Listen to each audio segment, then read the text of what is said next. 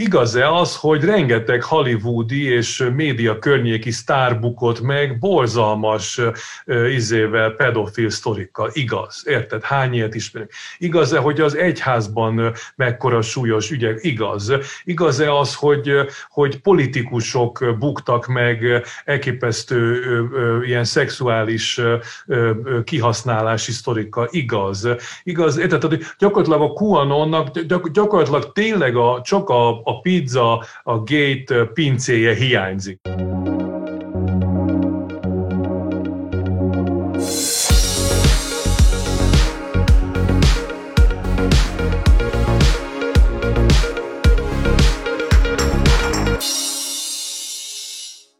Konkrétan az a pizza gate, hogy a, a demokraták egész pontosan a, egy Podesta nevű demokrata főnök kikerült, ellopott e-mailjéből kikerült információk, eltorzított és meghamisított dokumentumaiban egyesek, gyermekek adásvételét vélték felfedezni, és ebből egy olyan konteót, egy konspirációs teóriát alakítottak ki, ahol egy Washington DC-beli Comet Pizza nevű, amúgy nagyon gyerekbarát és családok által látogatott pizza étteremnek a pincéjében egy gyermekek kihasználására vagy a gyermekek kihasználását vélték dokument, vagy erre vonatkozó dokumentumokat véltek felfedezni, mely szerint a demokraták e-mailjében kódszavakkal beszéltek arról, ahol a pizza a kislányokat, a hotdog a kisfiúkat és többit jelentette volna amúgy, mert, mert amennyire én ezt olvastam, még ezeket is meg kellett hamisítani, hogy ezek így tűnjenek. Tehát ez volt maga a Pizzagate, ahol is tulajdonképpen ebből egy, a Trump kampány egy politikai témát kovácsolt a, a lelkes felhasználók segítségével, ami ebből a kevésbé volt, hogy mondjam, vicces az, hogy egy kedves, megtévesztett közép-amerikai, tehát Amerika középen lévő államából, talán Missouri-ből származó hazafi, ő effektíve oda autózott, és fegyverrel lövöldözni kezdett a helyszínen, követelve, hogy megmutassák neki ezt a pincét, amiről kiderült, hogy fizikailag nem létezik. Ugye ez volt a, a, a tulajdonképpen a slusszpain a dologban, és aki azt gondolná, hogy ettől a pizzagép honvába halt, az nem ismeri jól a konspirációs teóriákat, hiszen ez nem befolyásolta a, a pizzagétnek a, a továbbélését, virágzását akár. Azért értünk vissza ez a pizzagéthez, mert ennek nagyon komoly történelmi jelentősége volt. Ez volt az első tényleg igazán potens fake news ami nem a 2020-as, hanem a korábbi választásokban, 2016-os választásokban indult el, és nagyon jól lokalizált, ugyanis a Twitteren indult el, és a Twitteren lényegében terjedt el leginkább, úgyhogy lehetett pontosan követni azt, hogy hogyan, honnan indult és hova, hova halad. Twitter az egy nyitott platform, például a Facebook-kal szemben, amelyik nem vagy, tehát lehet pontosan követni, hogy az első üzenet hol jelent meg, kik az, akik megosztották, hogyan osztották meg ezt. Hogy nem csak az, hogy megnézzük, hogyan terjed egy fake news, hanem hogy az, aki éppen terjeszti, az egy valódi személye, vagy egy robot. Úgyhogy ez a munkában az is be van kódolva, hogy kik az egyének, kik a valódi egyének, és kik azok a robotok. És ez azért is fontos, mert egy hihetetlenül nagy szám, százaléka a Twitter felhasználóknak az igazából nem ember, hanem robot, és különösen a politikai, politikában és a fake newson belül óriási szerepet játszanak a különböző álhíreknek a terjesztésében. Tehát itt például a csomópontok azt szerint vannak színezve, hogy valódi ember van mögött az algoritmusok szerint, avagy egy gép osztja meg ezeket a híreket. Amikor jön ez az árhullám, ami elcsap minket, és csodálkozunk, hogy mi van, hogy több tízmillió ember miben hisz pontosan? Ugye akkor az már ide hosszú folyamatok vezettek. És az egyik hosszú folyamat az ugye maga a Trump kampány, ami, ami ugye a Trump az első olyan elnök, akinek nem a tanácsadói ö, ismerik a, a befolyásolásnak a neurolingvisztikai programozás megközelítését, hanem ő maga. Tehát, ö, ö, ami egy nagy különbség. Tehát, Magyarul tudja, hogy hogyan és mit kell twittereznie. Í, sőt, tudja, hogy mit kell kommunikálnia, tudja, hogy hogy működik a social a kommunikáció, amire te meg én azt mondjuk, hogy elnézést mi van, az tulajdonképpen úgy működik, hogy elaltatja a racionális részünket, kikapcsolja tulajdonképpen a prefrontális kortexet, és átviszi az érzelmi töltetet, és néhány kiemelt szónak a hangsúlyozásával, a repetíció támogatásával beviszi az üzenetet. Kiépít a kampány egy alternatív valóságot, ahol, ahol a jó és a rossz küzdelme zajlik, és, és, a, és beleilleszkedik, minden, ami tulajdonképpen ebbe az álló hullámba beleilleszkedik, az ezt fölszívja.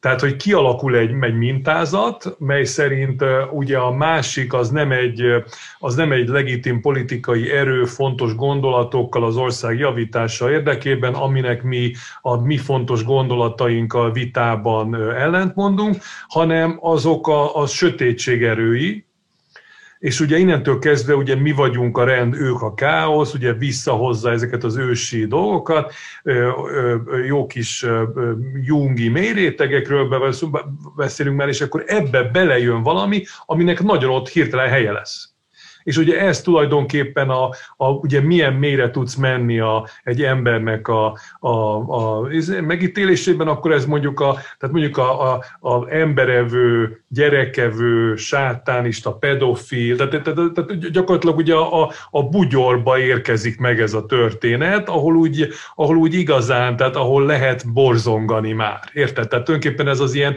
és a borzongás az egy fontos dolog, mert ez behozza a, ezt a fizikai ö, ö, ilyen embodied, ö, ilyen, ilyen igazi ö, ö, megtestesített részét, ami nagyon mozgató erő.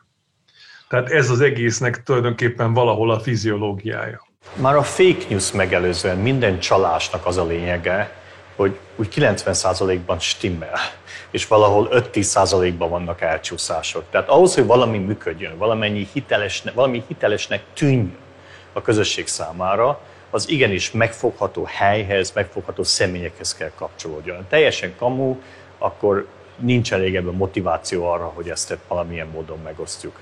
Tehát itt, volt, itt is ez volt a helyzet, hogy valódi helyekről van szó, valódi személyekről van szó, meg nem történt eseményekről van szó, de a többi plauzibiles se tesz lényegében ennek a folyamatnak a terjedését. És a valahol itt az érdekes a, a fake news pszichológiája, hogy hogy ami a tudatosságban mögötte az, hogy kiépült egy szakma, amelyik megtanulta azt, hogy hogyan lehet tartalmat úgy megfogalmazni, hogy bizonyos közösségek ezt megosszák. És ennek nagyon sok érdekes dimenziója van. Egész pontosan az történt, hogy létrejött egy virtuális valóság, és ezt ők benépesítették. Beköltöztek. Tehát azt mondták, hogy mi ezt kérjük. Mi ezt elhisszük, és ezt mi beemeljük. És ugye pont a szuper, hogy a, a, a, a Harari pont erről beszél, akit ugye mostában sokat lehet hallgatni, hogy, hogy, és tök jó rámutat arra, amit én még így nem hallottam megfogalmazni, hogy, a, hogy a, az, em, a, az emberi kiválásunknak, a felemelkedésünknek pont az volt a lényege, hogy nem igaz dolgokat el tudunk hinni tehát narratívákat. Tehát, mert a majom is el tudja hinni azt, hogy, hogy ha rámesik az a, az a kókuszgolyó, fájni fog a fejem. De, de, de, a, de amikor a fikciót el tudjuk hinni közösen, és ugye itt már be, bejön a Csányi Villinek a szuper megfogalmazása a közös konstrukciókról, közös hiedelmekről, tehát hogy a, a mémek terjedése hogyan teremti meg a, a kiemelkedésünket, de ez egy nagyon szép megfogalmazás a Hararinak, hogy, hogy, hogy, hogy a, a, az, hogy, az, hogy el tudjuk hinni a nem valót.